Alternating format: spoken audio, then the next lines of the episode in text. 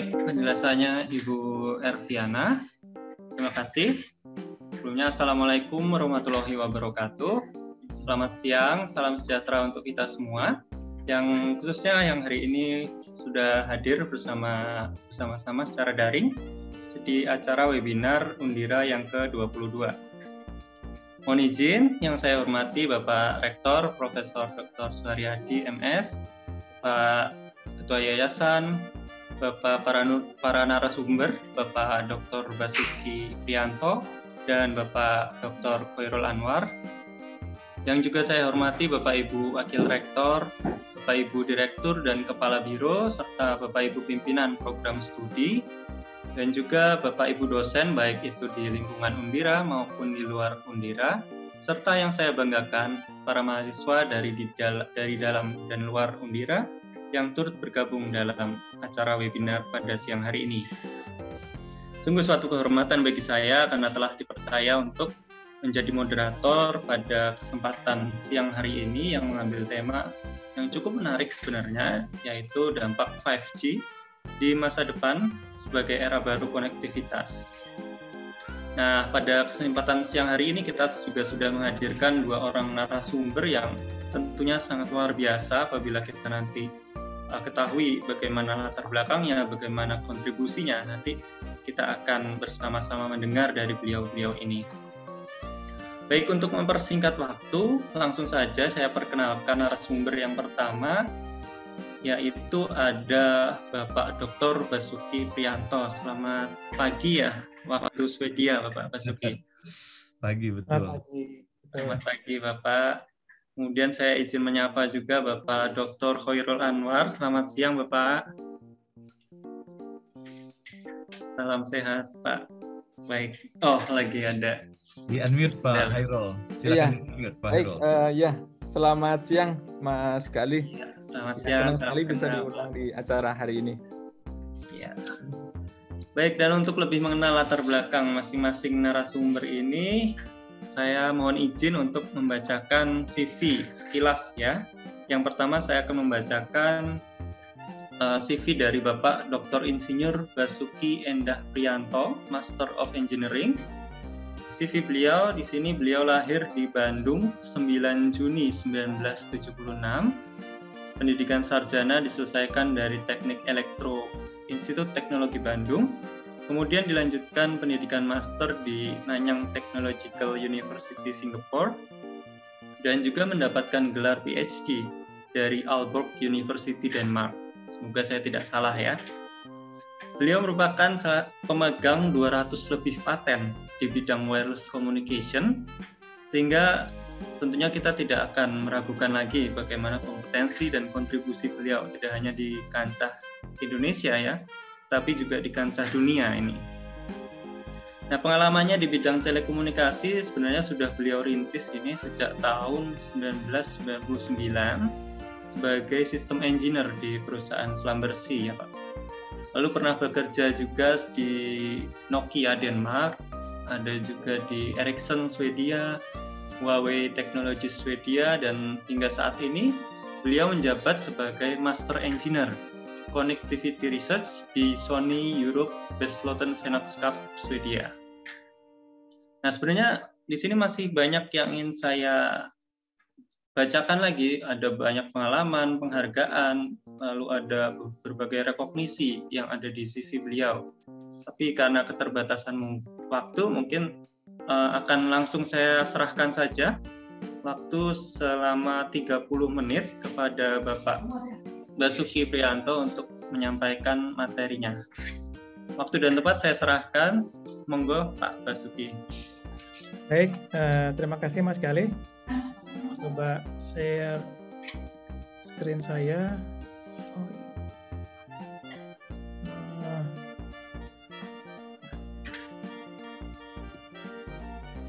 Uh, aduh ini apa? Saya baru ganti komputer, jadi uh, bisa pakai backup plan nggak? Jadi Oke, bisa Pak. Mas Gali share. Iya, siap. Saya harus researchnya untuk sharing. Ya, nah, sudah ya. Pak? Sudah, sudah betul. Iya. Bisa tolong dibuat full screen? Mbak Eva mungkin bisa dibantu untuk full screen-nya. Ini sudah full screen, Bro. Sudah. Tidak, nggak apa-apa. Ya. Uh, Iya, baik. Uh, materi yang ingin saya sampaikan saat kali ini adalah mengenai 5G NR atau New Radio, teknologi dan impactnya ke society. Uh, dan saya Basio Prianto, uh, tadi setelah sampaikan, saya saat, sekarang ini saya berafiliasi di, di Sonier Research Center di Lund, Swedia. Uh, next slide. Nah, sebelum kita bicara mengenai dampak dari 5G, uh, eh, saya kira lebih baik kalau kita mengenal lebih dahulu apa itu 5G, baru kita bicara dampaknya. Jadi untuk uh, pertemuan kali ini yang ingin saya sampaikan adalah bagaimana 5G itu didefine, dibentuk, bagaimana prosesnya, uh, apa itu 5G, dan bagaimana ini bisa how to make it happen. Baru kemudian apa itu impact dari 5G. Dan karena ini teknologi yang terus berevolusi, saat ini sudah mulai dibahas apa itu uh, teknologi uh, beyond 5G. Next slide. Tapi sekilas kalau mengenai dampak, satu slide ini saja sudah cukup. Jadi dampaknya itu terutama di end user, dari, dari sisi customer, itu adanya evolusi dari sisi handset. Uh, semua sudah tahu waktu generasi pertama itu uh, handphone sifat masih menggunakan teknologi yang sifat analog. Kemudian second generation uh, digital uh, masih menggunakan GSM, kemudian 3G, uh, wideband CDMA dan 3G sendiri kendalanya uh, beberapa region masih menggunakan uh, sistem berbeda. Misalkan kalau zaman dulu pada saat kita bepergian ke Jepang, uh, itu di airport suka ditawari uh, mau ganti handphone yang bisa pakai di, di Jepang seperti itu. Nah di, di generasi 4G uh, eh, semua vendor, uh, semua perusahaan sudah sepakat untuk meng, untuk menghasilkan teknologi yang sifatnya global. Jadi sekarang ini di, di kalaupun kita berpergian ke negara lain, kita masih tetap bisa menggunakan uh, handphone yang kita sekarang.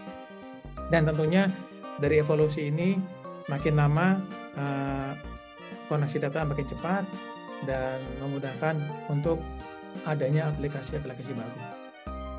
Nah sekarang untuk 5G dan beyond itu tidak hanya uh, sisi handphone saja ya, tidak hanya handphone yang sifatnya komunikasi cepat, tetapi juga uh, beberapa device itu akan memiliki adanya modem, jadi bisa berkomunikasi langsung ke ke solar networks. Misalkan drone atau VR, XR headset atau bahkan uh, vehicle atau kendaraan yang Anda gunakan sekarang itu ke depannya bisa berkomunikasi dengan kendaraan lainnya ataupun juga dengan road sign uh, terutama untuk support autonomous driving ataupun juga untuk uh, safety purpose ya mencegah adanya collision. Dan tidak lupa 5G itu tidak hanya uh, high speed data, tetapi juga uh, bagaimana device dengan atau hand, handphone device dengan energi yang sangat kecil bisa dikategorikan zero energy device. Ini contohnya jadi uh, misalkan sensor untuk lingkungan. Ya, next slide. Nah, dari segi teknologi, bagaimana ini bisa disupport? Uh, dari sisi teknis uh, kita mengenalnya ada beberapa rilis.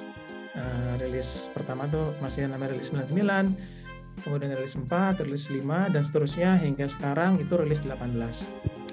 Nah, masing-masing rilis itu mengenalkan teknologi yang dirumuskan pada saat itu. Jadi pada tahun 2000 itu sudah mulai dirumuskan uh, 3G UMTS. Tadi betul sekali apa yang disampaikan Pak Rektor. Umumnya pergantian tiap generasi itu memakan waktu sekitar 10 tahun. Yang tahun 2000, kemudian masih terus berevolusi, ada 3.5G dan sebagainya. Dan akhirnya pada tahun 2008 uh, LTE sudah mulai pertama kali diluncurkan. Dan ini pun terus berevolusi. Ada LTE, LTE Advance, uh, adanya Prose untuk B2B, adanya Narrowband IoT dan seterusnya. Uh, dari tiap generasi itu ada beberapa rilis uh, untuk LTE itu berawal dari rilis 8 dan terakhir berevolusi itu sampai rilis 17 dan dari rilis 15 ada paralel antara 4G dan uh, 5G. Berikutnya, next slide. Nah, uh, agar sistem ini bisa terus berevolusi dan tepat sasaran ya, seperti apa yang dibutuhkan oleh masyarakat uh, di bidang mobil komunikasi industri itu adanya sebuah ekosistem.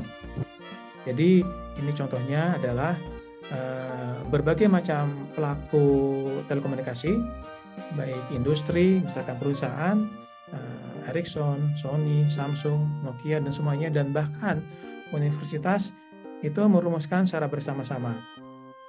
Baik uh, research apa yang mereka lakukan dan bahkan juga uh, terutama perusahaan itu membentuk spesifikasi.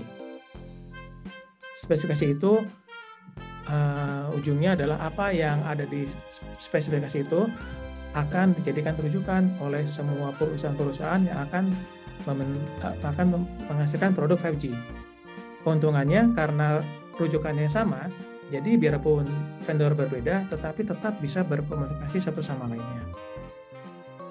Di sisi lain, adanya ITU, Badan PBB, mereka uh, memberikan persyaratan. Misalkan untuk 5G harus seperti ini. Harus memenuhi kriteria-kriteria seperti ini.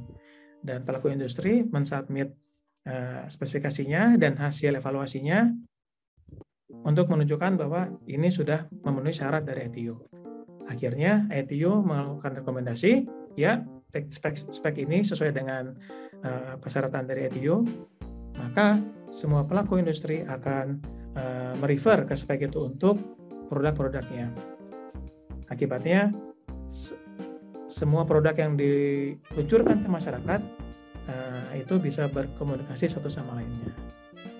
Nah, uh, bagaimana supaya bisa perusahaan atau universitas ini bisa uh, bekerja sama satu sama lain dalam satu wadah, itu wadahnya dinamakan dengan 3GPP. Oke, uh, berikutnya. Dan spesifikasi yang dirumuskan oleh 3GPP itu spesifikasi yang sifatnya kompleks. Jadi dari segi uh, badan standarisasi 3GPP itu dibentuk uh, berbagai macam grup ya. Ada radio access, ada core networks dan service dan sistem aspek. Masing-masing branch ini ada ada lagi klaster-klasternya. Uh, saya sendiri terlibat di work group one, radio layer one, terutama yang berkecimpung di physical layer. Bagaimana sinyal bisa dimodulasi, bagaimana coding, encoding dan sebagainya. Dan ini dan dari segi uh, perumusan itu juga di, di, di grup berdasarkan region. Ada region Amerika, ada region Asia. Asia sendiri ada berbagai region ya. Ada Cina, ada India, dan ada dan untuk Eropa ada satu dan saya kira kurang lebih ada ada enam uh, cluster yang mewakili negara-negara di yang mewakili perusahaan di masing-masing region. Berikutnya, next slide. Ya, uh, nah itu pun juga mengalami proses yang panjang ya. Jadi uh, teknologi itu tidak hanya langsung instan, tetapi ada proses yang cukup lama uh, dan perumusan bersama-sama, ada yang konsensus, akhirnya kita setuju. Pertama gitu kita me, jadi sebelum teknologi diluncurkan, kita sudah memperkirakan kira-kira apa ini, uh, untuk apa teknologi ini, ini digunakan dan apa requirementnya. Uh, itu misalkan dirumuskan oleh grup hewan dan randuan. Kemudian skop lebih kecil lagi, uh, kita melakukan feasibility study.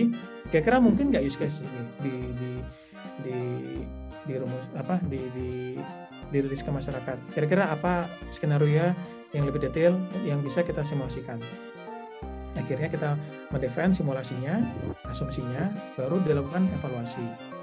Dari segi evaluasi, akhirnya kita makan hmm, kita perlu um, uh, menggunakan perlu memperkenalkan teknologi baru untuk meningkatkan performance.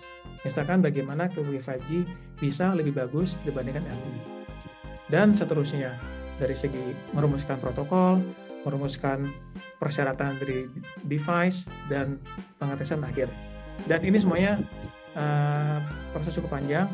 Kenapa? Karena untuk memastikan bahwa produk yang diluncurkan dan bisa digunakan masyarakat itu benar-benar uh, bekerja dengan baik. Berikutnya. Nah, ini contoh outputnya. Uh, banyak sekali spesifikasi dokumen yang diluncurkan uh, dan spesifikasi ini karena dijadikan rujukan oleh perusahaan-perusahaan ataupun universitas semuanya tersedia secara publik ya. Misalkan uh, tahap seperti saya sampaikan pertama kali Nah, kita melakukan perumusan, melakukan studi, studi kelayakan, ini ada dokumennya. Jadi kalau ada adik tertarik, bisa membaca dokumen ini. Kira-kira apa nih studi yang dilakukan oleh uh, eh, 3GPP untuk mendefinisikan uh, use cases-nya. Dan kemudian kira-kira outputnya apa? Output berikutnya adalah spesifikasi sendiri, uh, bagaimana wujud dari spek itu, misalkan ada di spek ini. Uh, misalkan TS38.11 itu uh, spesifikasi mengenai physical channel dan modulasi. Berikutnya.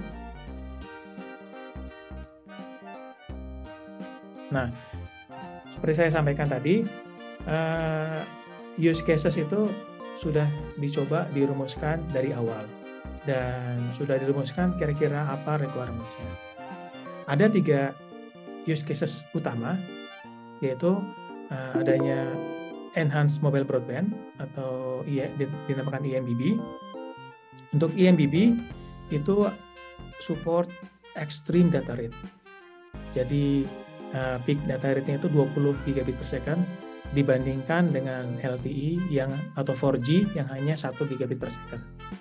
Kemudian extreme capacity, jadi tiap kilometer persegi itu ditargetkan support 10 terabit per second ada deep awareness uh, dan use cases yang lainnya itu adanya massive massive Internet of Things misalkan sensor itu bisa ditempatkan di mana saja misalkan bagaimana uh, device ini bisa bekerja dengan jangka waktu 10 plus years battery life jadi uh, sekali charge dilempar ke ke field ke, ke farmer misalkan dan terus bisa bekerja selama 10 tahun.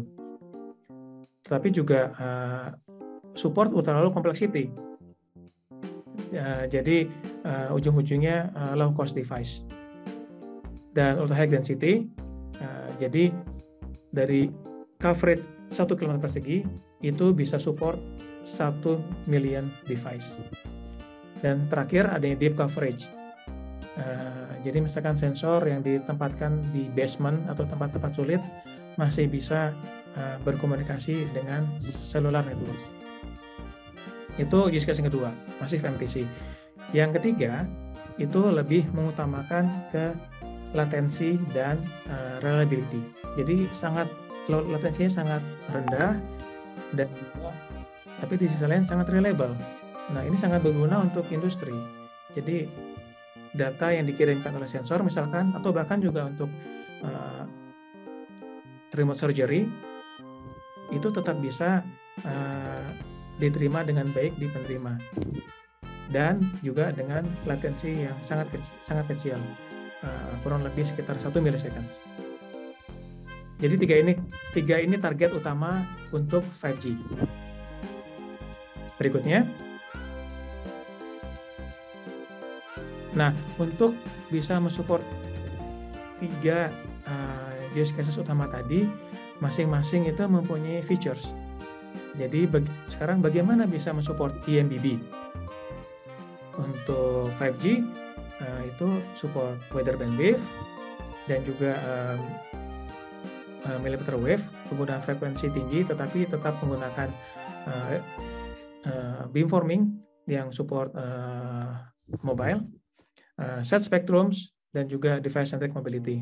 Uh, dan juga Massive MIMO, advanced channel coding, uh, untuk LTE kita masih menggunakan turbo code, tetapi untuk uh, 5G uh, kita menggunakan dua channel coding, LDPC dan polar coding untuk control channel.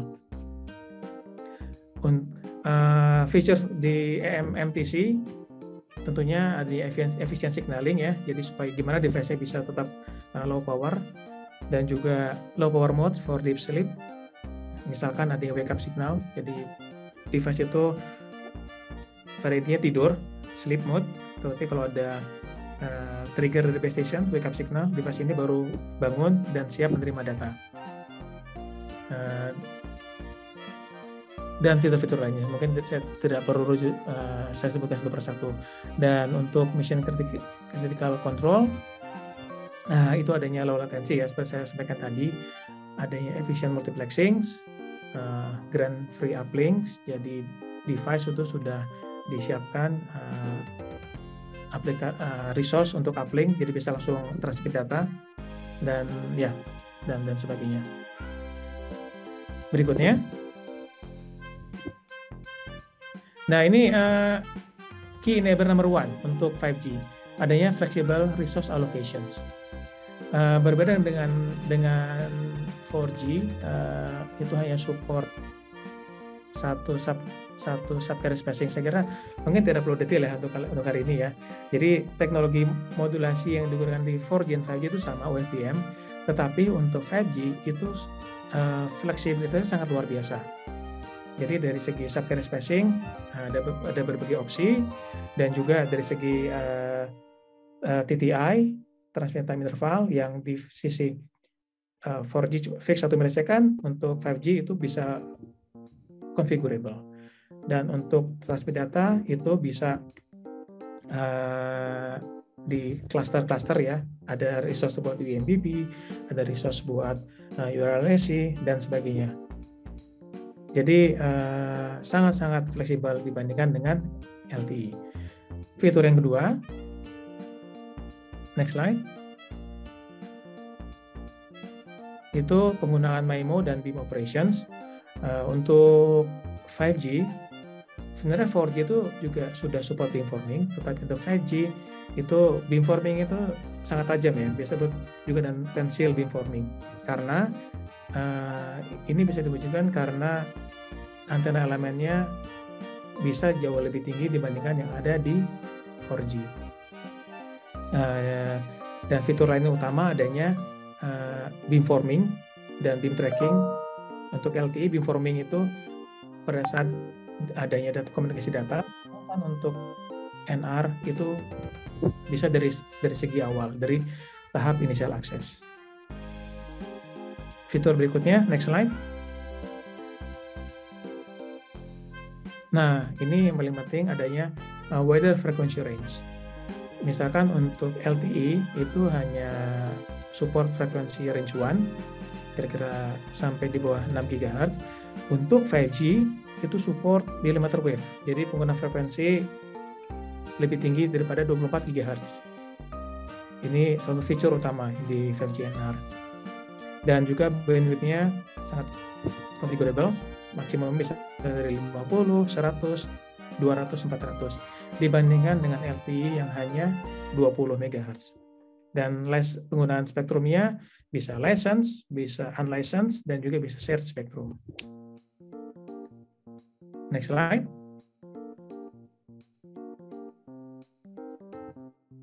Nah, eh, seperti yang saya sampaikan tadi, bahwa teknologi mobile communication itu terus berevolusi dan spesifik untuk 5G ini juga terus berevolusi berawal dari rilis 15. Rilis 15 itu fase di mana uh, komponen utama 5G diperkenalkan seperti saya sampaikan tadi adanya channel coding, uh, MIMO, mobile millimeter wave, configurable UFBM itu di rilis 15. Di rilis 16 itu sudah mulai spesifik. Kira-kira use case apa saja yang ingin kita support. Jadi adanya industry automations, industrial IoT, adanya V2X, jadi car car to car communications, uh, penggunaan 5G di unlicensed spectrum, jadi sharing dengan WiFi, uh, positioning, uh, massive IoT, uh, broadcasting, uh, dan sebagainya. Di rilis 17, fitur-fitur baru lagi mulai digunakan. Uh, misalkan tapi ini tidak digambar itu adanya non terrestrial networks jadi bagaimana 5G eh, itu bisa juga digunakan via satelit ini cocok sekali buat Indonesia karena secara geografis Indonesia masih negara kepulauan ya. Dan ya ini yang detailnya adanya sentimeter akurasi untuk positioning uh, eh, ABB enhancements tetap support bagaimana support even higher data rate dan juga spektrum baru 52 GHz Berikutnya, next slide. Nah, sekarang ini baru mulai bulan, uh, bulan ini itu adanya rilis 18. Uh, kunci utamanya adalah adanya EMBB Evolutions karena kita tetap mengenhance dari segi MIMO ataupun juga ada yang memperkenalkan smart repeater dan juga memperkenal melanjutkan lagi key enablers atau use cases baru. Pertama, expanded and improve positioning. Jadi bagaimana positioning tetap uh, bisa digunakan di dengan akurasi yang lebih tinggi ya, uh, centimeter level, uh, atau juga untuk uh, side link positioning, uh, artinya misalkan distance dari satu mobil ke mobil lainnya, tapi pengukuran jaraknya itu menggunakan uh, radio sinyal uh, dan juga fitur lainnya itu adanya evolusi dari non terrestrial networks uh, juga drone communications. Di sisi lain uh, di rilis 18 ini juga memperkenalkan area-area baru. Jadi misalkan uh, sorry ada typo nih ya ini artificial intelligence uh, atau machine learning untuk 5G atau dan juga mensupport extended extended reality XR dan juga passive IoT. Ini contoh untuk uh, bagaimana device dengan zero energy tetap bisa digunakan untuk komunikasi. Next slide.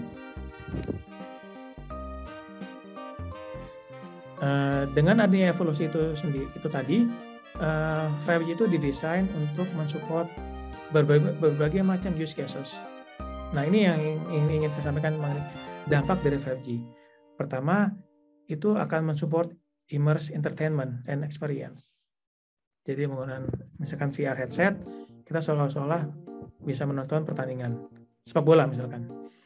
Adanya safer, more autonomous transportations, itu disupport dengan teknologi V2X communications. Reliable access to remote healthcare, uh, ini disupport dengan teknologi URLC, improve public safety dan security itu tadi karena dia misalkan drone communications ataupun V2X uh, ataupun settling untuk public safety, uh, smarter ag agriculture dengan penggunaan sensor yang murah tapi bisa tetap berkomunikasi uh, dengan baterai yang lebih tahan lama efficient use of energy utilities, autonomous manufacturing, uh, smart city yang sekarang lebih sedang cukup digembar-gemborkan di Indonesia, dan juga uh, digitize logistik dan retail. Jadi sebenarnya masih lebih banyak lagi uh, dampak ataupun new use cases dari 5G itu sendiri. Next slide. Nah, ini mungkin agak saya agak sedikit cepat ya, biar ada waktu buat Q&A. Uh, Beyond 5G, 6G sendiri sudah dimulai ya. Dan 6G itu untuk di Eropa uh, ada project yang dinamakan HexaX itu melibatkan industri dan juga universitas. Kita sudah merumuskan apa itu 5G, sorry, apa itu 6G. Uh, ini di saat ini itu contoh-contoh komponen-komponen bagaimana untuk mewujudkan uh, 6G banyak sekali komen jauh lebih banyak dibandingkan apa yang sudah diberikan 5G. Uh, next slide.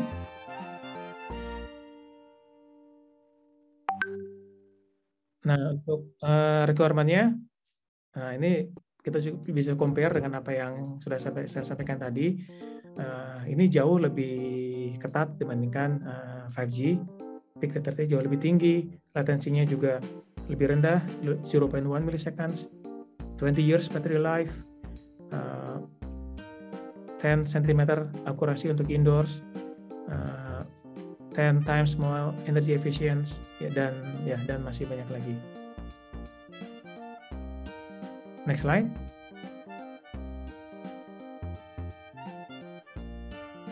Dan ini potensial use cases untuk 6G. Uh, kalau di 5G fokus ke tiga use cases tadi untuk uh, 6G itu uh, diterapkan lebih banyak lagi ada telepresence karena support XR ada robots untuk collaborative robots ada lokal lokal trust zones jadi small network tapi uh, kepercayaannya atau integritasnya lebih tinggi sustainable development dengan adanya zero energy communications uh, massive twinnings ini kombinasi antara AI dan juga XR.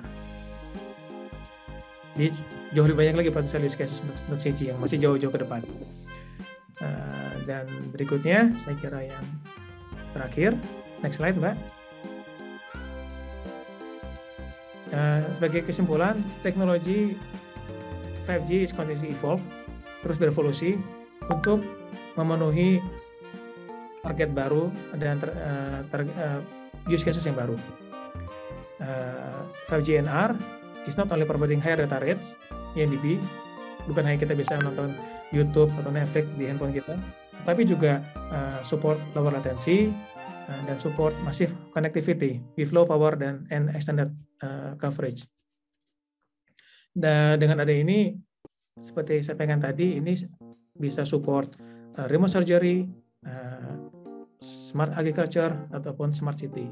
Nah, sekarang eh, apa yang bisa kita lakukan, misalkan di Indonesia ataupun dengan juga dengan adik-adik mahasiswa. Uh, pertama adanya mungkin ada research innovations, bagaimana how to adopt and use 5G. Saya kira akan ada unique use cases di Indonesia, terutama bagaimana mewujudkan smart agriculture, jadi bisa meningkatkan uh, hasil tani para petani Eh, smart factory ataupun smart city ataupun tracking untuk logistik smart forest misalkan karena Indonesia masih kaya dengan hutan yang perlu dimonitor dan sebagainya ataupun bahkan engage di long term research nah, mungkin nanti di sesi berikutnya uh, Gaurang Anwar mungkin lebih banyak ke ngomongin tentang riset yang mesti dilakukan ya. Nah, untuk 6G, misalkan itu bagaimana new physical design untuk 6G. Apa masih tetap pakai UFDM atau yang lainnya? Ataupun address potential issues di 6G, karena 6G sendiri ditargetkan menggunakan frekuensi terahertz atau sub terahertz. Ini sangat tinggi sekali frekuensinya dan tentunya banyak sekali kendalanya. Dari segi propagasi, dari segi hardware, ataupun juga dari segi hardware imperfections. Nah, jadi ya sebaiknya kita bangsa Indonesia tidak hanya sebagai pengguna, tetapi juga bagaimana tetap bisa melakukan riset dan inovasi di bidang 5G dan 6G. Baik, kira-kira itu saja uh, yang saya sampaikan kali ini. Terima kasih, uh, Mas Galih. Baik, terima kasih kembali Pak Dr. Basuki atas paparannya yang sangat luar biasa tentunya ya. Ya, banyak poin yang saya catat dari paparan Bapak tadi mulai dari ada apa itu definisi 5G, kemudian komponen-komponennya apa namanya pendukung untuk 5G, lalu ada juga ya menarik itu di use case ya Pak. Karena memang di use case itu banyak yang langsung ter, uh, kita terlibat terlibat di dalamnya nantinya. Dan mungkin sebelum saya lempar pertanyaan ke para peserta, saya ada satu pertanyaan dulu, Pak. Boleh saya bertanya, Pak Basuki? Baik, uh, menarik mas. ya, karena 5G ini masih baru ya, apalagi di Indonesia sendiri. Nah, saya ingin tahu kira-kira Indonesia ini posisinya sekarang ada di mana ya Pak ya? Dan saya pernah dengar itu ada operator seluler Telkomsel atau mungkin XL itu sudah uh, melakukan uji coba di beberapa tempat di Indonesia. Nah, uh, menurut pengalaman Bapak mungkin ada ada info terkait 5G ini di Indonesia ini seperti apa begitu Pak? Mungkin itu saja uh, pertanyaan saya. Ya, uh, 5G di Indonesia betul sekali beberapa, beberapa operator sudah melakukan uh, trial dan bahkan sudah mulai uh, melaunch 5G secara secara real ya, jadi bisa langsung digunakan oleh oleh masyarakat Uh, tapi tentunya spot-spotnya masih terbatas dan saya kira untuk saat ini masih fokus untuk bagaimana meningkatkan, meningkatkan kapasitas. Jadi masih lebih banyak di sisi IMBB-nya. Bagaimana meningkatkan data rate, bagaimana banyak user tetap bisa menggunakan data dengan kecepatan tinggi. Bagaimana banyak user masih tetap bisa nonton YouTube Eh, sama-sama. Uh, saya kira mungkin masih itu ya, dia masih masih basic sekali. Tapi saya kira makin ke depan uh, fitur-fitur baru uh, akan mulai diperkenalkan oleh operator. Dan satu fitur lain yang yang saya kira sudah ada itu adanya bisa support uh, masif IoT ya. Jadi kalau misalkan adik-adik mahasiswa mulai belajar IoT, bagaimana bisa komunikasi langsung dengan cellular networks, saya kira itu mungkin bisa dicoba dari sekarang.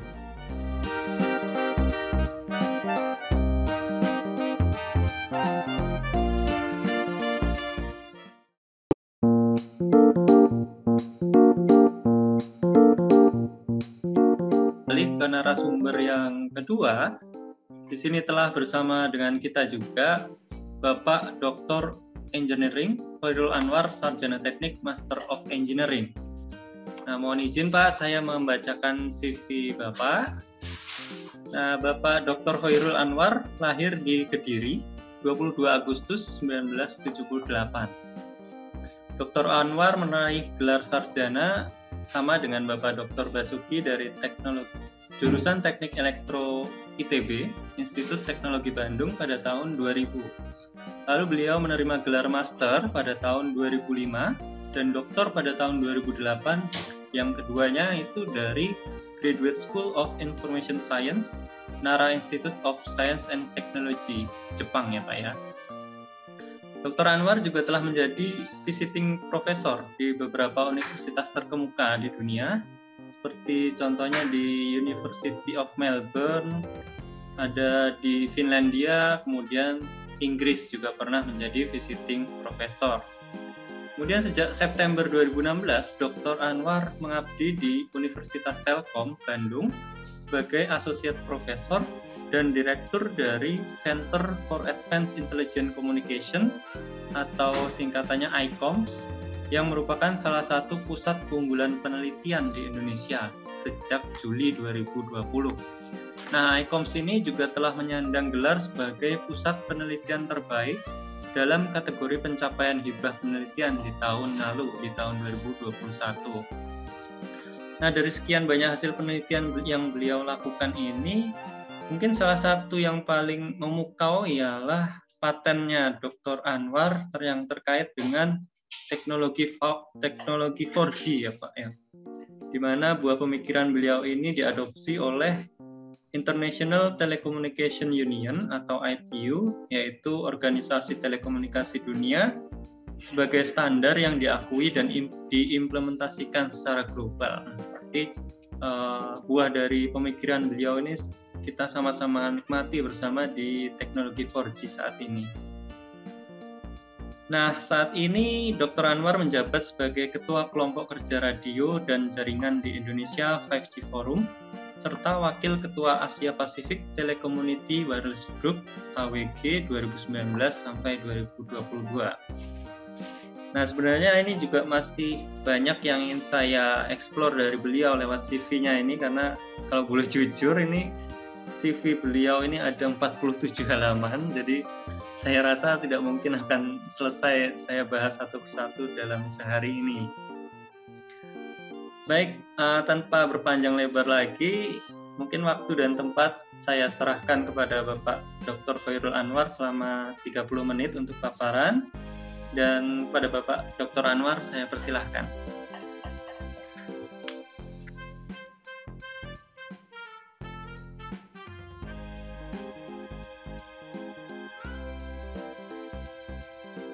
Pak?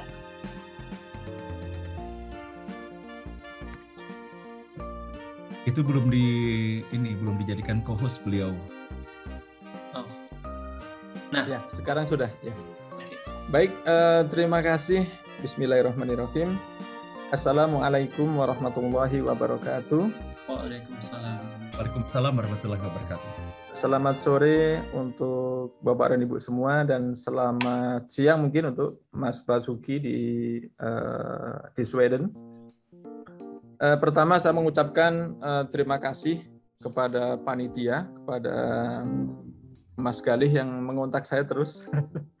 kemudian kepada Mbak Erviana yang menjadi moderator, kemudian kepada Pak Muhammad Hasanuddin, kepada Prof. Dr. Suharyadi atas undangan pada sore hari ini ya. Jadi saya sangat senang sekali eh, bisa berjumpa di sini. Mudah-mudahan ini adalah waktu yang barokah untuk kita sama-sama belajar, sama-sama menyemangati, sama-sama memajukan ilmu pengetahuan dan juga memajukan Indonesia insya Allah. Amin ya rabbal alamin. Uh, saya langsung share karena waktu saya cuma 30 menit. Boleh diizinkan share? Nah, sambil menunggu diizinkan share, saya coba uh, uh, menyampaikan kira-kira apa yang saya akan sampaikan ya. Jadi uh, Bapak dan Ibu dan adik-adik semuanya, uh, saya punya 70 slide sebenarnya. Cuman karena mungkin dirubah dulu Pak Herul jadi co-host biar bisa share. Iya, masih Eva, atau masih belum bisa share saya. Ya, karena masih belum dijadikan co-host itu uh, Pak Khairul Anwar. Ya oke okay, sudah. Oke okay, ya. Baik alhamdulillah. Uh, apakah slide sudah bisa dilihat? Ya sudah. Sudah, sudah ya. Baik uh, Bapak dan Ibu adik-adik semuanya, uh, para dosen uh, dan juga uh, para praktisi kalau hari ini hadir, ini mudah-mudahan Eh, menjadikan kita makin semangat ini mengembangkan 5G di Indonesia, implementasi, kemudian mengembangkan kembali menjadi 5G Advance dan juga menjadi 6G nanti tahun 2030 ya. Eh, perkenalkan nama saya Khairul Anwar, sekarang sebagai Direktur dari Pusat Unggulan IPTEX Perguruan Tinggi untuk Advanced Intelligent Communications di Telkom University. Jadi kami memberi nama ini sebenarnya adalah terinspirasi dari 6G eh, teman-teman semua ya karena AI akan uh, digunakan di 6G ya. Jadi kita mulai dari 2020 kemarin ketika kita diminta oleh Kemendikbud uh, untuk ganti nama ya. Jadi nama lab kami awalnya adalah Advanced Wireless uh, Technology, tapi kemudian uh, kami menjadi pusat unggulan harus ganti nama, harus ganti nama yang khusus. Akhirnya kami mengambil nama uh, Intelligent Communication dan kami tambahi Advanced di depannya. Dan sekarang saya sebagai Vice Chairman di Asia Pacific Wireless Group uh, yang pusatnya di Thailand ya di Bangkok. Uh, baru saja kemarin kita selesai mengadakan uh, meeting AWG 29, salah satunya juga membahas uh, IMT 2030 ya yang dicanangkan oleh ITU karena ITU juga meminta kepada kita untuk uh, masukan untuk 6G nanti tahun uh, 2030 dan juga membahas berbagai masalah 5G ya yang ada di Asia Pasifik. Kemudian uh, kita persiapkan untuk WRC tahun 2023 nanti. Kemudian saya juga sekarang sebagai chairman di Technical and Education Activities atau TEA dan juga senior member di IEEE uh, eh, Indonesia Section tahun 2020 sampai dengan hari hari ini. Alhamdulillah saya masih menjadi pengurus di IEEE Indonesia. Dan saya juga sebagai co-chair dari uh, think tank uh, 20 untuk G20 Indonesia Presidensi ya dan saya membawai policy area cyber security, uh, data protection, uh, privacy and data protection ya, threat and data protection ya. Jadi itu yang saya bawai. Jadi saya akan mengawal policy brief dari Indonesia untuk menjadi bahan bagi summit G20 di Indonesia nanti bulan Oktober tahun 2022. Ini mohon doanya mudah-mudahan bisa menjalankan amanah ini dengan baik. Uh, itu kira-kira ya. Uh, dan ini tadi sudah disampaikan oleh Mas Galih ya bahwa saya masuk ITB tahun 96 sampai dengan lulus tahun 2000 dan alhamdulillah menjadi mahasiswa berprestasi utama di ITB. Kemudian saya sempat bekerja di Jakarta, kemudian eh, mendapat beasiswa dari Panasonic Scholarship untuk sekolah S2 S2 di Jepang ya. Kalau S3 saya sekolah sendiri nih teman-teman. Jadi Panasonic eh, berpikir bahwa bermimpi ya, bermimpi bahwa abad 21 abad Asia, maka orang-orang Asia harus pintar begitu. Jadi Panasonic eh, menekolahkan lima orang terbaik eh, di setiap negara di Asia untuk sekolah gratis di Jepang dan alhamdulillah saya termasuk salah satu dari lima orang uh, terbaik di Indonesia yang disekolahkan di Jepang. Ya alhamdulillah bisa lulus dengan baik juga ya tahun 2005 saya menjadi wisudawan berprestasi di NAIS, tahun 2008 juga menjadi wisudawan doktor berprestasi di NAIS dan saya menjadi dosen dari tahun 2008 ya. Kemudian sampai dengan 2016 karena saya diminta kembali ke Indonesia oleh ITB dan oleh Telkom University, tapi saya tidak bisa memilih dua-duanya jadi hanya salah satu, tapi untuk memilih salah satu berat juga nih teman-teman saya. Jadi saya sampai umroh dan berdoa kepada Allah Subhanahu Wa Taala, apakah saya kembali ke Indonesia atau tetap di Jepang begitu.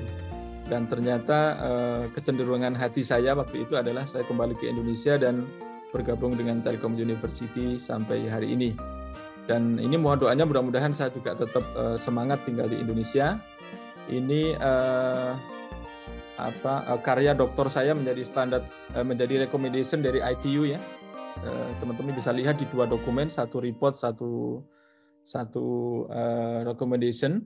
Terus kemudian ini penghargaan saya di tahun 2014 di Jakarta dan ini 2019 setelah kembali ke Indonesia dan juga di Jakarta. Mudah-mudahan teman-teman juga semangat untuk terus berprestasi ya uh, karena mumpung masih muda. Nanti kalau sudah sudah sepuh nanti ya nanti akan menyesal kalau ternyata waktu mudanya nggak semangat semangat amat gitu. Jadi eh, mudah-mudahan ini menjadi eh, waktu yang baik untuk kita eh, merencanakan prestasi bidang masing-masing ya. Silahkan untuk berprestasi setinggi mungkin di bidang masing-masing. Kemudian ini transformasi dari lab kami ya. Jadi kami eh, saya kembali ke Indonesia tahun 2016, kemudian memimpin pusat penelitian. Jadi waktu itu saya sampaikan kepada Telkom University, saya mau kembali ke Indonesia kalau saya memimpin pusat penelitian. Dan alhamdulillah Telkom University menyetujui dan memberikan saya lab ini ya Bapak dan Ibu ya, adik-adik semua, Advanced Wireless Technology, jadi established tahun 2016. Kemudian kami mendapat pendanaan dari Eropa, dari Inggris ya, dari Inggris tahun 2017 Eh, kemudian mendapat pendanaan dari pemerintah Indonesia sampai 2,5 miliar, 2019 juga 2,5 miliar, 2020 4 miliar, 2021 4 miliar dan sekarang alhamdulillah 3 miliar lebih juga eh, insya Allah kami akan dapatkan di tahun ini. Kemudian eh, ini proyek kami saat ini ya, yang sebelah kiri ini internasional, kami mendapat proyek dari ASEAN AIFO, untuk Patriot Net uh, untuk Disaster Recovery Network. Kemudian kami mendapat project dari Amerika, ini Dynamic Spectrum Alliance untuk mengembangkan Wi-Fi 6 sama Wi-Fi 7. Nah ini sebenarnya lucu nih teman-teman. Saya Wi-Fi 6, Wi-Fi 7 itu kan kalau orang berpikir ini adalah lawannya 5G begitu ya. Jadi saya mengembangkan dua-duanya yang saling berlawanan. Tapi menurut saya untuk kebaikan negara kita Eh, kita netral saja ya, kita kan ilmuwan ya, jadi mengembangkan semua teknologi yang kira-kira bermanfaat untuk Indonesia. Kemudian saya juga uh, sedang mengerjakan proyek kuantum untuk 6G ini teman-teman, uh, untuk multiple access. Ini bekerja sama dengan Multimedia University di Malaysia. Kemudian juga sedang mengembangkan artificial intelligence untuk agriculture. Ini proyek bersama dengan UTM Malaysia kemudian uh, mendapat uh, project bersama Berlin, TU Berlin di Jerman untuk random access scheme cell free massive MIMO. Ini lab kami. Terus kemudian uh, insya Allah nanti mendapat mudah-mudahan ini ya, mendapat uh, dana penelitian dari PPDR uh, untuk PPDR uh, di, dari Denmark gitu ya. Dari PPDR itu Public Protection and Disaster Recovery. Jadi untuk uh, kebencanaan dan ini uh, juga sedang mengerjakan uh, T20 G20 presidensi. Ini saya tidak beri angka karena belum ada budgetnya sampai saat ini ya. Jadi yang saya beli angka ini adalah yang insya Allah kami mendapatkan budget. Mudah-mudahan nanti kita juga ikhlas kok ini Bapak dan Ibu seandainya nggak ada budget juga kami akan membantu sepenuh hati untuk uh, keberhasilan G20 uh, presidensi Indonesia. Terus kemudian uh, ini proyek kami di nasional ya. Jadi proyek kami nasional ada ada nomor 7 sampai nomor 21 ya. Jadi ada sekitar 15 atau 14 ya. Atau 15 lah, mungkin 15 proyek. Ada yang sudah sedang kita laksanakan, ada yang sedang kita submit ya. Misalkan yang sedang kita submit adalah 5G eh, FRMCS ya. Jadi 5G untuk kereta cepat eh, dengan target sampai 500 km per jam. Nah, ini sedang kita kemarin kita mendapat pendanaan dan ini kita akan submit lagi. Kemudian kita mengerjakan juga roket, kemudian 5G Merdeka, kemudian kita mengerjakan harmonisasi spektrum frekuensi untuk Indonesia Maju. Kemudian yang ini yang waiting atau to be submitted ini memang sedang kita memang bulan-bulan ini adalah bulan-bulan uh, submit project ya Bapak dan Ibu mungkin Bapak dan Ibu dosen di Undira sangat paham bahwa 15 April itu deadline pusat kolaborasi riset. Kemudian nanti tanggal 20 April eh, deadline kedai reka ya. Jadi ini yang sedang kami sabit Bapak dan Ibu sebenarnya setelah acara ini kami akan langsung meeting untuk uh, pusat kolaborasi riset uh, dengan BRIN ya. Nah itu kira-kira yang sedang kami kerjakan. Terus kemudian produk kami sampai saat ini ini ada ada banyak sebenarnya tapi yang kami highlight lima dulu ya. Jadi yang pertama adalah mobile cognitive radio base station dan 5G Merdeka. Ya, ini kita sudah mendapat pendanaan dari tahun kemarin. Alhamdulillah kita sukses eksperimen termasuk eksperimen 5G ini Bapak dan Ibu. Kita menggunakan open air interface untuk transmisi dan connect ke handphone.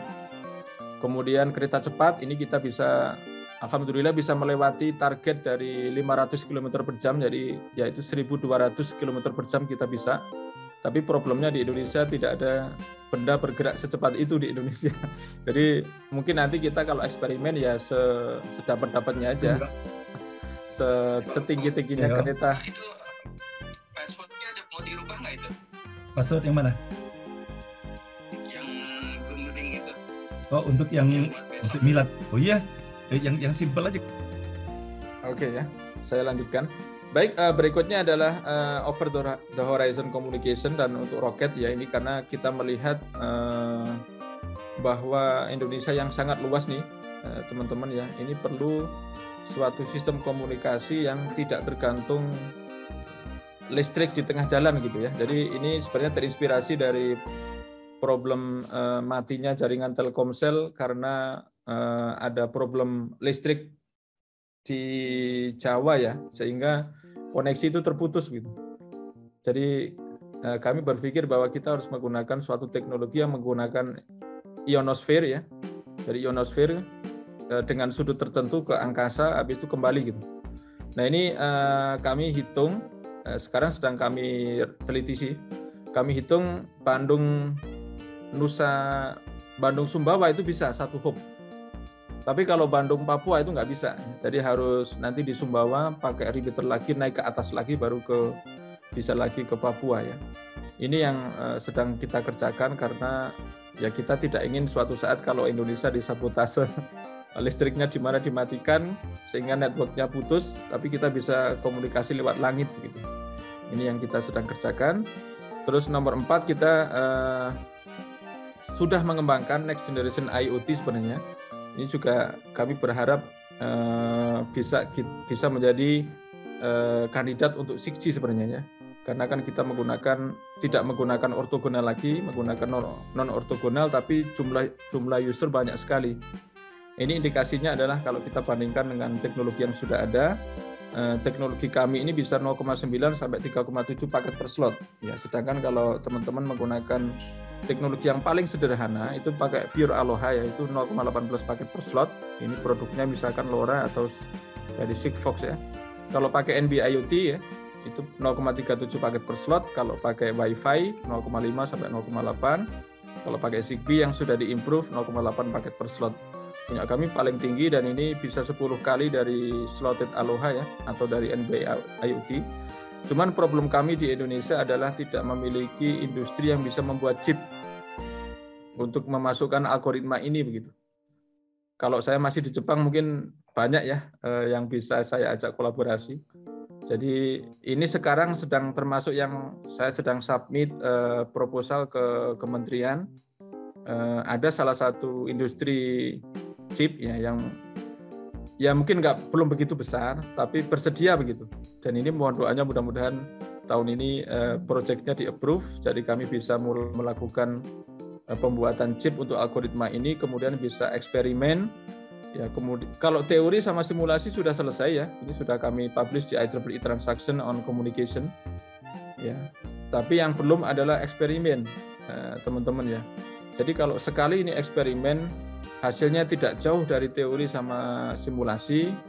Oh kami pede sekali nanti memberi tutorial di internasional ya eh, tentang teknologi ini gitu.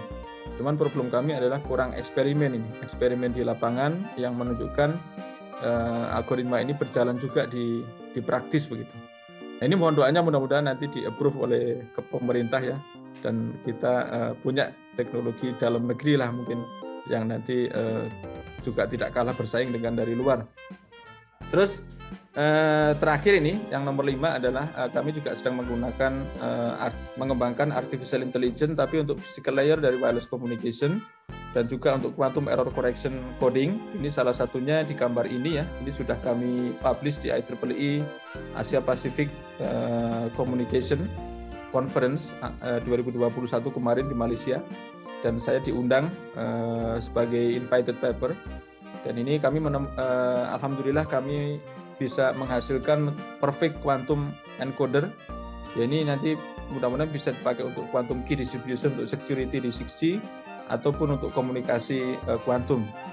Nah ini uh, nanti akan terus kami kembangkan di improve error correction-nya, kemudian juga mungkin nanti akan mencoba eksperimen dengan alat seadanya mungkin ya, alat seadanya yang kita bisa punya di Indonesia. Kalau prinsip kita adalah kalau tidak ada rotan, akar pun jadi begitu ya.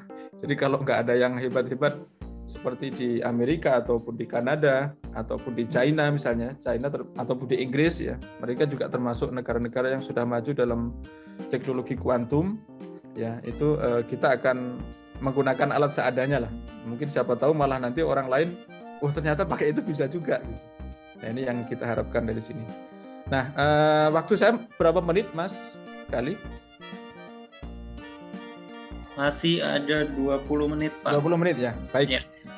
Saya uh, agak percepat ya, tapi saya mulai dari summary dulu ya. Jadi sengaja ini summary-nya saya taruh di depan agar uh, yang misalkan yang buru-buru at least dapat uh, manfaat atau dapat uh, poin begitu ya. Jadi yang pertama masa lalu untuk pelajaran, masa kini untuk disyukuri, masa depan untuk dipersiapkan. Ini prinsip kami seperti itu. Jadi kalau yang sudah berlalu maka kita ambil hikmahnya. Ya. Tapi kalau yang masa kini yang kita dapatkan sekarang ya harus disyukuri. Karena barang siapa bersyukur, maka Allah akan menambah nikmat kepada kita. Terkait masa depan harus dipersiapkan. Jadi kita nggak boleh mengalir seperti air, tapi eh, harus ada plan begitu ya. Ya, ini prinsip kami termasuk kami berbicara hari ini adalah tentang 6G. Jadi 6G kan masa depan ini teman-teman ya harus dipersiapkan dari sekarang. Harus ada orang yang memulai riset, masa kini ini adalah 5G karena 5G sudah kita launching tahun lalu dan ini harus disyukuri. Jadi kalau misalkan uh, masih ada problem ya kita harus selesaikan gitu. Ya ini yang masa kini. Kalau masa lalu ya katakanlah 2G, 3G, 4G ya sudah selesai ya. Uh, kita kita ambil apa yang bisa kita improve ya dari dari teknologi tersebut untuk masa kini dan masa depan. Itu poin pertama. Poin kedua adalah we are on the progress of maximizing the implementation of 5G. Ya, ini mirip dengan yang saya sampaikan di sini ya, yang kita syukuri ya. Jadi eh, saya sebenarnya kalau presentasi 6G itu khawatir. Khawatir dan saya berempati kepada orang-orang yang sekarang sedang berjuang untuk 5G. Ya kan ada orang yang sudah investasi mungkin ya untuk 5G tapi masa saya langsung berbicara 6G begitu ya jadi saya selalu sampaikan, we are on the progress of maximizing the implementation of 5G and its businesses. ya business services in Indonesia. However, we should also prepare for the 6G.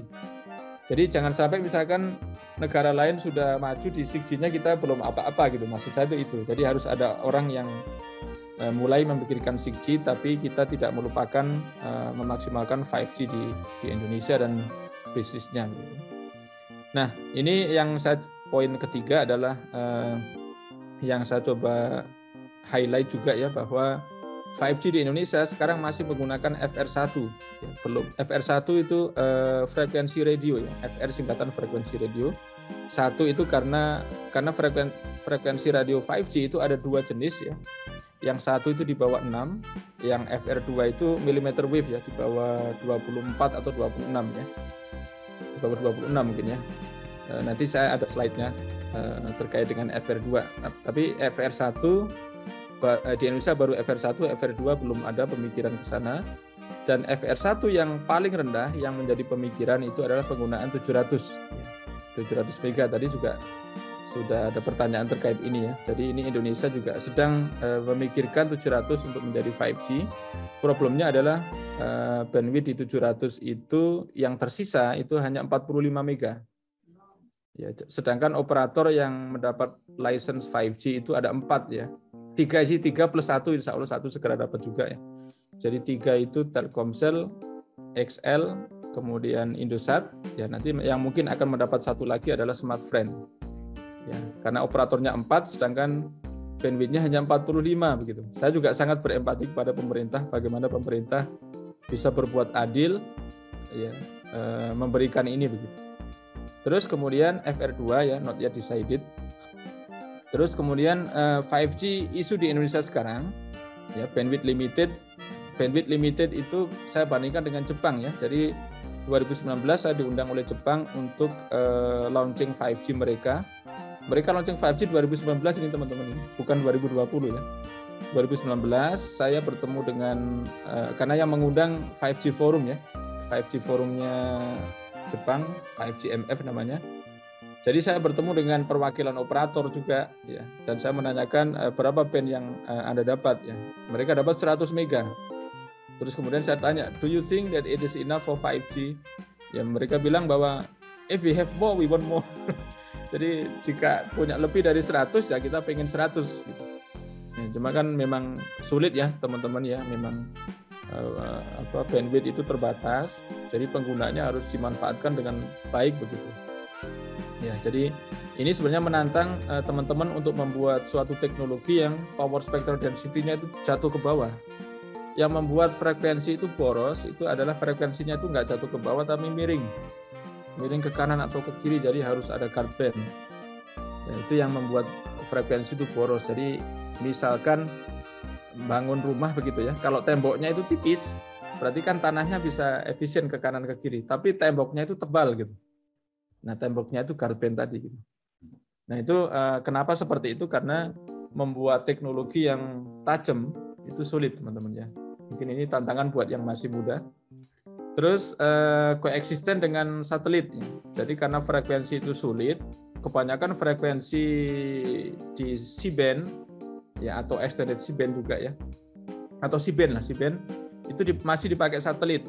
Ya. Jadi nggak bisa kalau mau dipakai 5G ya harus dites dulu gitu ya nanti akan saya sampaikan pengetesan di Telkom University eh, dan juga interference ke altimeter ini baru baru aja tadi saya jam 2 tadi meeting jam 1 ya mulainya ya meeting dengan Boeing terkait dengan uh, peluang interferensi 5G ke altimeter pesawat. Jadi altimeter, altimeter itu alat untuk menguji keting, alat untuk mengukur ketinggian pesawatnya. Nah itu kan mereka takut kalau itu diganggu oleh 5G. Jadi nanti pesawatnya nggak tahu berapa tinggi nanti sudah rendah tapi merasa masih tinggi gitu ya. Itu kan bahaya. Nah itu um, tadi diskusi tentang itu sih bagaimana mitigasinya dan sebagainya.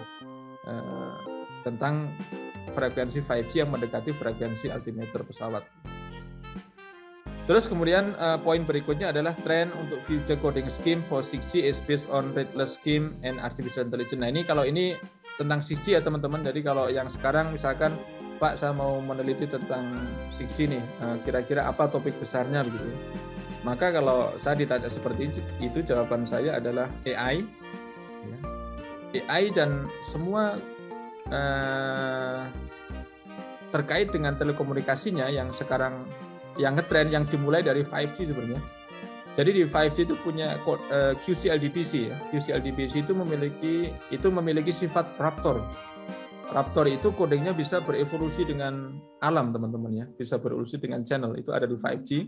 Di QCLDPC kalau teman-teman baca dia kombinasi dari LDPC sama LT code. Nah, itu bisa beradaptasi dengan alam. Nah, tapi di 5G ini ini sebenarnya ini secret sebenarnya ya. Itu di 5G itu memiliki kekurangan sebenarnya. Itu degree-nya satu. Nah ini sekarang kami sedang membuat paten untuk memperbaiki itu ya, sehingga degree-nya bisa dua lah minimal. Kalau degree-nya dua, kita nanti tidak memiliki error floor. Nah itu yang uh, kami sebut redless skin ya. Uh, dan trennya kayaknya ke sini deh orang-orang ke sini juga ya untuk memperbaiki uh, bagaimana beradaptasi dengan alam tadi tapi tidak memiliki degree satu. Terus yang terakhir di sini ini adalah kandidat yang bisa mencapai satu tera ya, yaitu optical angular momentum. Eh, itu dimensi lain yang menjadikan channel capacity 6G itu bisa mencapai satu tera. Ya, jadi ini nanti kalau waktunya cukup saya akan ceritakan. Jadi seperti ini nih OEM teman-teman ya. Jadi vortex ya sinyalnya itu berputar. Selama ini sinyal elektromagnetik itu lurus ya, uh, tegak atau horizontal. Tapi kalau OEM ini kandidat 6G itu berputar. Jadi dia karena berputar di dalamnya itu bisa kita isi banyak yang di dalamnya ortogonal juga. Jadi sudah berputar, isinya banyak di dalamnya. Terus kemudian banyak ini kita copy 10 ya misalkan ya. Kita punya 10 begini berputar semua. Nah, ini yang bagi saya ini dimensi baru untuk channel capacity Sanon ya. Yang nanti saya kalau waktunya cukup saya ceritakan. Nah, ini yang gambar di atas ini adalah eh, apa neuron ya neuron untuk artificial intelligence yang kanan ini adalah qubit ya quantum bit yang, yang bisa menyimpan seluruh angka yang jauh lebih cepat daripada bit saat ini atau klasik jadi komputer kita saat ini disebut klasik telekomunikasi kita saat ini disebut klasik nanti mulai kalau udah kita menggunakan kuantum itu udah udah kami sebut modern atau quantum domain ya atau quantum era Nah itu kira-kira. Waktu saya masih cukup, Mas Gali. Masih, Pak. Silakan masih, ya? dilanjutkan. Ya. Ya baik, eh, karena waktunya masih cukup, jadi saya mau eh, menyampaikan ini ya. Jadi ini highlight ya teman-teman ya. Yang atas itu generasi ya, yang bawah ini, eh, yang atas generasi manusia, yang bawah generasi telekomunikasi ya. Jadi eh, generasi telekomunikasi ya itu berubah setiap 10 tahun, tadi juga udah kita diskusikan. Tapi yang mau saya highlight itu adalah rumus ya, rumus capacity. Jadi rumus capacity 1G sama 2G itu masih sama ya, atau 3G juga masih sama sih. Tapi kalau mulai 4G itu sudah sudah karena sudah ada MIMO ya, walaupun very small MIMO-nya, itu sudah ada konstanta n sebenarnya di sini ya. Tapi kalau mulai 5G ini n-nya makin besar.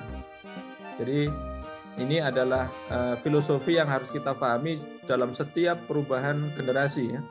Jadi yang pertama berubah berubah variabel di luar logaritma. Jadi kalau ini kan variabel di dalam logaritma. Ke kekurangan teman-teman kalau menaikkan variabel di dalam logaritma itu naiknya itu tidak signifikan ya. Jadi naik juga sih, tapi kan logaritma itu kan gambarnya kan mendatar ya, naik tapi mendatar gitu. Jadi kalau teman-teman menaikkan M, menaikkan R, menaikkan gamma, menaikkan IB ya, itu nggak akan signifikan. Tapi kalau teman-teman menaikkan sesuatu di luar di depan dari logaritma, maka itu signifikan sekali karena menjadi pengalih. Makanya kalau di 5G ya B-nya itu kan besar. Ini bisa sampai 400 kalau FR2 dan bisa hanya bisa 100 kalau FR1 ya. Dan ada pengalih N. N itu eh, jumlah paralel channel pada pada MIMO ya. Dan 5G itu ya ini eh, menurut beberapa pendapat ilmuwan adalah minimal 8 kali 8 antenanya. 8 kali 8 berarti N itu minimal 8 di sini ya. Jadi karena N minimal 8 maka ya ini 8 kali B. Ya kita dapatkan 8 kali B maka nanti akan tinggi sekali. Jadi kalau kita coba ya, kita coba pecah itu akan menjadi seperti ini teman-teman ya. Jadi C ini ini saya tulis approximate bukan sama dengan. Ini karena apa? Karena N-nya ini tidak pasti ya. N ini tidak pasti, K ini nanti tidak tidak pasti, maka di sini saya tulis approximate. Kalau pasti saya tulis sama dengan. Ya, kalau belum ada dua ini kita boleh sama dengan ya, tapi ketika ada dua ini approximate. Nah, eh, B itu bandwidth, N itu komponen parallel channel pada Massive MIMO. Nah, ini yang konstanta baru. Eh, karena ada ada vortex channel pada 6G tadi ya. Itu eh, menjadi konstanta baru. Modulasi pada 5G juga baru ya, bisa sampai 256 QAM. Error correction juga baru, pakai Polar sama pakai Raptor tadi ya. Terus kemudian channelnya kalau channel sesuai dengan alam Indonesia juga sama noise sesuai dengan alam Indonesia. Nah, teman-teman yang semua yang warna hitam ini bisa dikontrol oleh manusia. Yang warna merah ini yang tidak bisa dikontrol oleh manusia. Jadi tidak semua eh, apa yang kita bikin gitu ya, apa yang kita rencanakan itu bisa jadi tidak sama itu gara-gara ada ada komponen dua ini ya. Kalau karena ini channel ya ditentukan oleh alam atau ditentukan oleh Tuhan, noise juga ditentukan oleh sebenarnya kalau noise paling utama ditentukan oleh pabrik ya. Jadi kalau pabriknya itu solderannya bagus, dia akan kecil ini noise-nya. Sama ditentukan oleh suhu ya. Suhu ya kalau misalkan teman-teman naruh alat itu di tempat yang panas, maka dia akan noise-nya besar. Ya, eh, daripada di tempat yang dingin. Makanya kan kadang-kadang kita nggak boleh naruh sesuatu di tempat panas yang lama gitu ya. Atau nanti kalau ini untuk sensor ya, sensor yang harus di tempat yang panas itu teman-teman harus lindungi ya agar enggak agar NO-nya kecil juga gitu. Nah, satuannya itu adalah heat per second per hertz per meter kuadrat per joule per rupiah. ini kalau yang warna merah ini hubungannya dengan basis teman-teman ya. Nah, itu kira-kira. Terus kalau waktunya cukup eh, saya coba teruskan ini ya, teman-teman ya. Ini uh, saya mau mencoba uh, menyampaikan bedanya 4G, 5G dan 3G ya. Jadi kalau 3G, uh, eh, pertama ini sinyal yang kita kirim itu akan kita terima rusak begini ya. Jadi kita kirim merah, kuning, ungu, hijau. Yang kita terima karena kita kirim secara wireless rusak. Ya, yang kita terima itu rusak seperti ini. Nah, pertanyaannya adalah bagaimana mengembalikan sinyal rusak ke sini gitu. Ya. Cara yang paling sederhana itu dengan menggunakan OFDM. Kalau kita menggunakan UFDM, sinyal yang rusak ini bisa kembali. Atau cara yang agak agak lama yaitu menggunakan CDMA ya. Jadi CDMA itu di-encode pakai pakai code tertentu ya, tetapi kalau ada broadband ya, kalau ada broadband itu pasti yang muncul ya. Ini kan kalau karena kalau kita pakai broadband sinyalnya itu ada yang terlambat. Nah, kalau kita pakai broadband itu sinyal yang tersebar itu dikembalikan di domain waktu. Dan ini sebenarnya sulit. Ya. Yang paling mudah itu di di 5G teman-teman ya. Di 5G, 4G itu paling mudah karena pakai UFDM. Jadi pakai fast Fourier transform di, di depan sini sama di belakang. Di belakang ini adalah di transmitter, di depan itu di receiver. Dan ini adalah alam alam kan ini alam. Nah, nanti kalau ada dua fast Fourier transform, ya itu nanti hasilnya adalah diagonal. Ya, Kali ini asyaratnya dikasih cycle graphic, nanti diagonal. Nah, perkalian diagonal itu kan perkalian sangat sederhana. Makanya UFDM itu sangat sederhana. Bisa menyederhanakan kerumitan seperti ini menjadi kembali utuh ya. Itu kehebatan UFDM dan ini rahasianya seperti ini. Ini kalau yang yang kalau nggak percaya ya. Jadi kalau narrowband itu seperti ini, kalau broadband itu seperti ini dan channelnya ya, channelnya itu ngurut seperti ini teman-teman.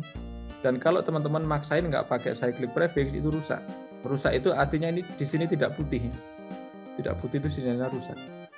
Nah, hikmah dari situ adalah ya saya mencoba gunakan juga untuk memahami bineka tunggal ika ya. Jadi bineka tunggal ika itu kan beragam ya. Jadi beragam itu sebenarnya dari sini. Jadi kalau teman-teman pakai broadband itu sinyalnya beragam. Oh, sini enggak. Oh, ini nih ya. Ini kalau narrowband itu channelnya sama, tapi kalau teman-teman broadband ada yang terlambat tadi ya, itu channelnya jadi beragam. Nah, channel beragam seperti ini itu sangat bagus dalam telekomunikasi. Ya. Terutama kalau teman-teman pakai channel coding, channelnya makin beragam makin bagus.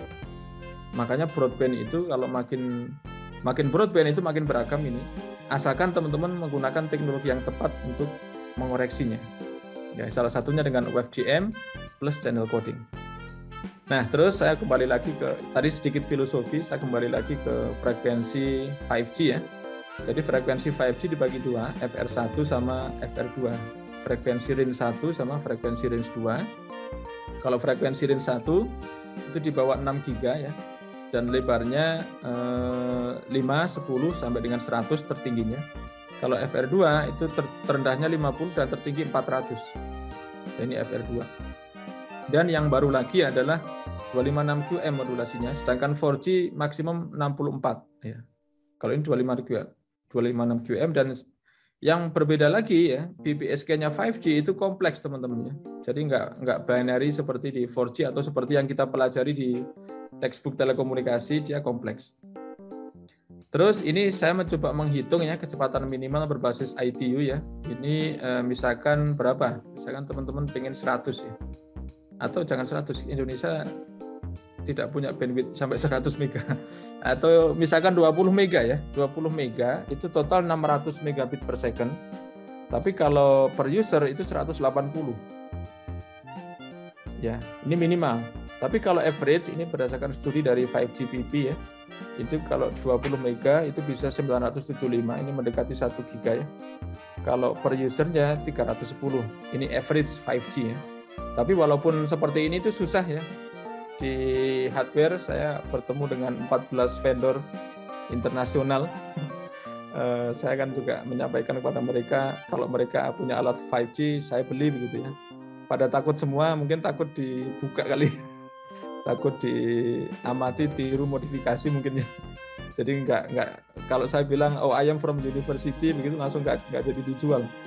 Nah ini uh, sulit sekali uh, membuat uh, kecepatan setinggi ini gitu. Ini yang eksperimen experience saya sampai saat ini ya. Dan ini tantangan buat teman-teman juga bisa nggak nih uh, kita bikin teknologi yang memiliki kecepatan tinggi begitu ya. 20 mega dengan dengan kecepatan 310 megabit per second. Tapi kalau uh, dari alat yang kita kembangkan ya kita udah bisa 200 alhamdulillah bisa 200 walaupun tidak 310 ya. Itu mungkin akan kami kembangkan terus ya uh, untuk bisa mencapai ini gitu ya. Mohon maaf Pak ya. Waktunya sudah, sudah habis lagi ya. 5, 5 menit, lagi. Oke. Okay. Yeah. 5 menit lagi uh, ya udah nggak apa. Saya mungkin nggak akan cerita semuanya tapi yang mungkin yang terkait Indonesia ya yang mungkin teman-teman harus update. Baik, uh, berikutnya karena waktu saya nggak banyak, uh, ini eksperimen di Telkom University teman-teman tahun 2020 ya. Uh, ini di belakang lab kami ya. Ini antena 5G di sini dan kita tes spektrumnya bagus. Terus kemudian kita tes, kita pergi ke suatu daerah yang jaraknya 250 ini di tengah sawah ini ya. Di tengah sawah antena 5G-nya masih terlihat. Kemudian kita tes ya.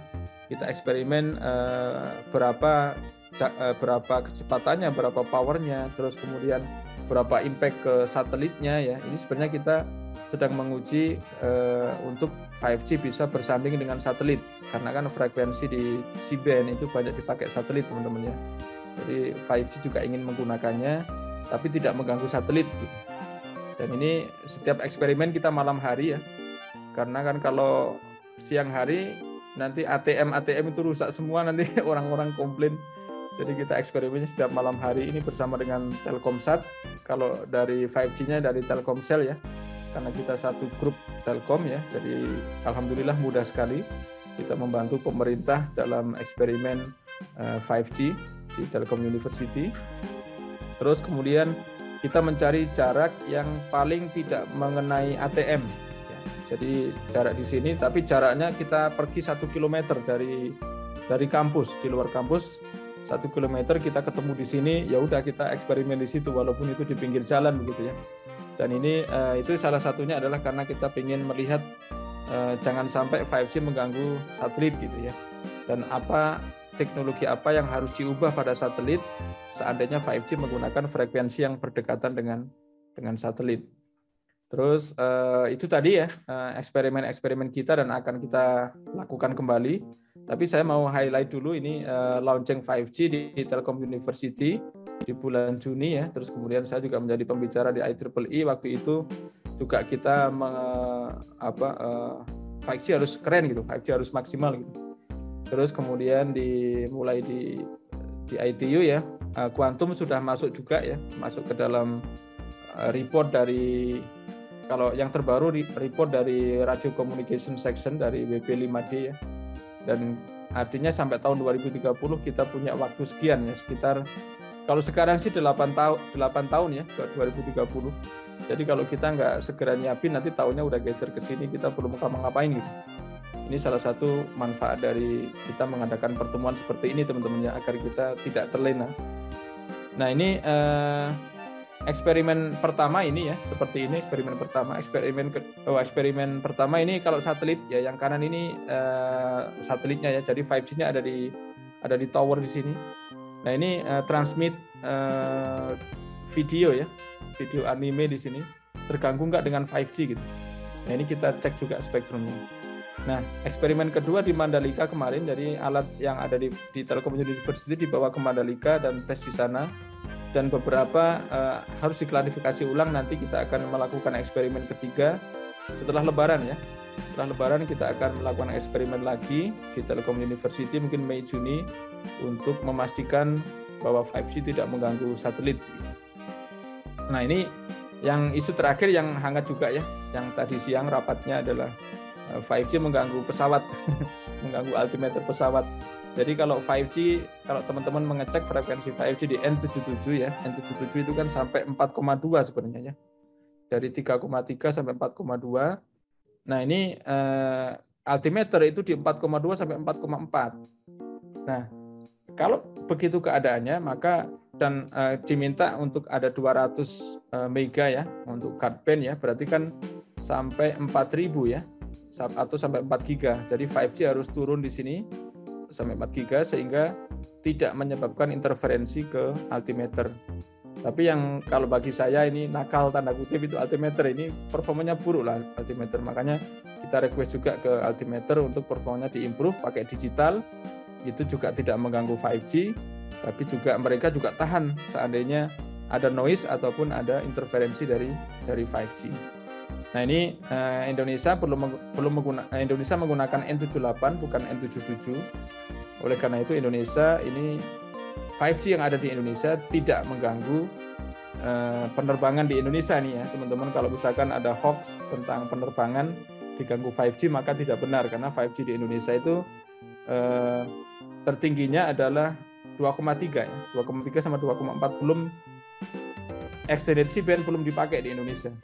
Jadi nggak ada apa-apa uh, terkait dengan altimeter di Indonesia. Uh, waktu saya masih cukup, Mas. Mungkin silakan kalau akan di summary kan, Pak. Uh, ya, uh, oke okay. dua dua hal saja ya, teman-teman uh, ya. Dua hal saja. Yang pertama adalah definisi frekuensi radio ya. Jadi ini agar kita tahu kalau ada orang mengatakan oh hoax ini 5G menyebabkan kanker atau 5G menyebabkan COVID-19 ada yang hoax begitu ya. Jadi uh, frekuensi 5G itu frekuensi masih di di sini sekali. Jadi di sekitar uh, di bawah 6, di bawah 6 giga ya, masih di sini ya. Masih belum frekuensi terahertz millimeter wave juga belum. Di sekitar 6 Eh, atau tadi 2,3 eksaknya 2,3 itu tertingginya 2,3 jadi jauh dari frekuensi yang berbahaya. Frekuensi berbahaya itu yang warna merah ini yang saya kotakin warna merah ya di atas 730 terahertz.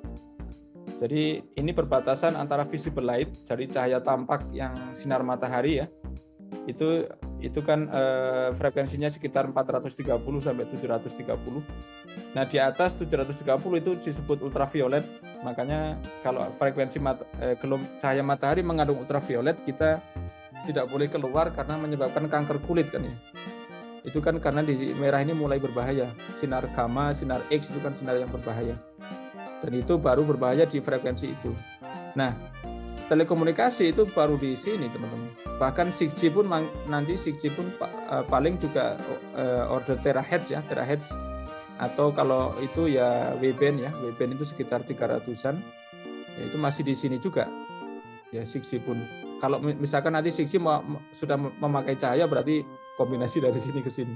Tapi kan tidak ke yang yang berbahaya ini. Jadi eh, itu yang harus kita pahami dan kalau orang mengatakan frekuensi radio itu dari 3 Hz sampai dengan 3 tera ya. kalau di atas 3 tera itu bukan lagi frekuensi radio namanya Ini menurut definisi dari ITU ya.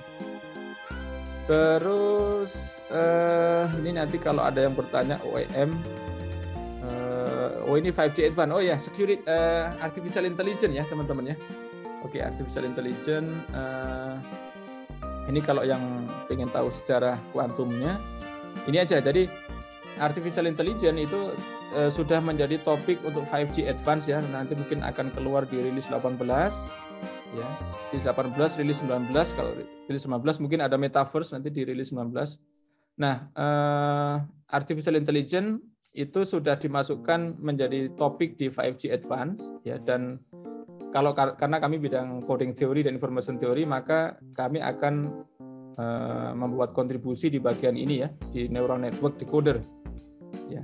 Atau uh, kita juga bisa bikin auto encoder kalau teman-teman pengen pengen komplit ya dari uh, dari awal sampai akhir uh, AI semua misalkan itu nanti saran saya ada menggunakan auto encoder.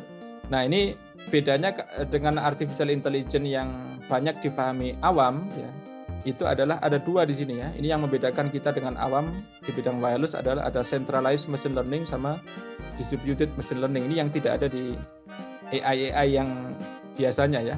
Jadi eh, kalau yang ini kan masih sama AI, di bawah AI ada machine learning, di bawah machine learning ada deep learning. Tapi karena kita bidang telekomunikasi kita pecah lagi ya bahwa ini eh, nanti eh, ada deep learningnya pun bisa untuk distributed atau centralized. Dan kalau yang kami kerjakan di Telkom University rata-rata dari physical layer sampai Mac layer ya, atau sampai network layer ya, tapi kita tidak melakukan di application layer. Terus uh, eh, AI untuk wireless itu seperti ini teman-teman ya. AI yang konvensional itu adalah di server, di sentral. Tapi kalau AI yang sentral apa yang federated learning namanya ya, itu uh, ada di lokal ya. Jadi handphone kita ada AI-nya yang ditransmit itu cuma bit ya sama beberapa faktor. Ini juga ada AI-nya, ada AI-nya. Kalau yang konvensional semua data dikirim, jadi kan tidak aman kan. Kalau ada orang mencuri di tengah jalan tidak aman. Kalau yang mulai federated learning nanti uh, dioptimasi walaupun tidak perfect ya dioptimasi di di lokal. Nah ini terus uh, tren ke depannya itu uh, tidak fix ya. Ini kan yang saya sebut uh, adaptasi dengan alam itu kan ini tidak fix. Jadi encoder sama decoder itu bisa menerima feedback. Jadi kalau kita desain learningnya, kalau yang fixed design pakai supervised learning, kalau yang fleksibel pakai reinforcement learning, sama plus federated learning kalau uh, terdistribusi wireless yang kita optimasi mau networknya maka kita harus federated learning. Nah ini terakhir saja ini sebelum ini ini mau saya tutup ya eh, teman-teman yang sedang mengerjakan machine learning ya uh, silahkan kembangkan terus ya. Sebenarnya machine learning itu very simple ya. Very simple uh, menyelesaikan persamaan mencari w sebenarnya. Mencari W dan ini tidak karena problemnya tidak linear maka kita tidak bisa membuat inverse X dikali Y saja. Tapi eh, ini kita pakai iterasi ya. Salah satunya adalah dengan training. Ya training dengan delta rule itu kan yang sangat biasa ya atau training-training yang lain seperti ini. eh, ini adalah contoh yang saya lakukan untuk machine learning untuk XOR operation. Ini bisa digunakan untuk decoder maupun untuk encoder pakai machine learning. Ini uh, kami juga sudah evaluasi uh, menggunakan activation function apa untuk bisa melakukan fungsi-fungsi decoding pada wireless communication. Dan ini ada beberapa performance yang menunjukkan bahwa ketika kita menggunakan AI itu lebih cepat, latensinya lebih rendah ya. Dan uh, performanya tidak kalah ya dari yang ada. Mungkin itu eh, kalau waktunya cukup nanti saya akan ceritakan ya cara menghitung kecepatan 5G atau kecepatan 6G seperti ini misalnya. Eh, atau nanti eh, topik-topik yang lain yang kira-kira eh, ditanyakan. Mungkin begitu saja Mas eh, Gali. Saya welcome kalau ada masukan atau eh, pertanyaan dari semua audiens. Terima kasih, mudah-mudahan bermanfaat. Wassalamualaikum warahmatullahi wabarakatuh.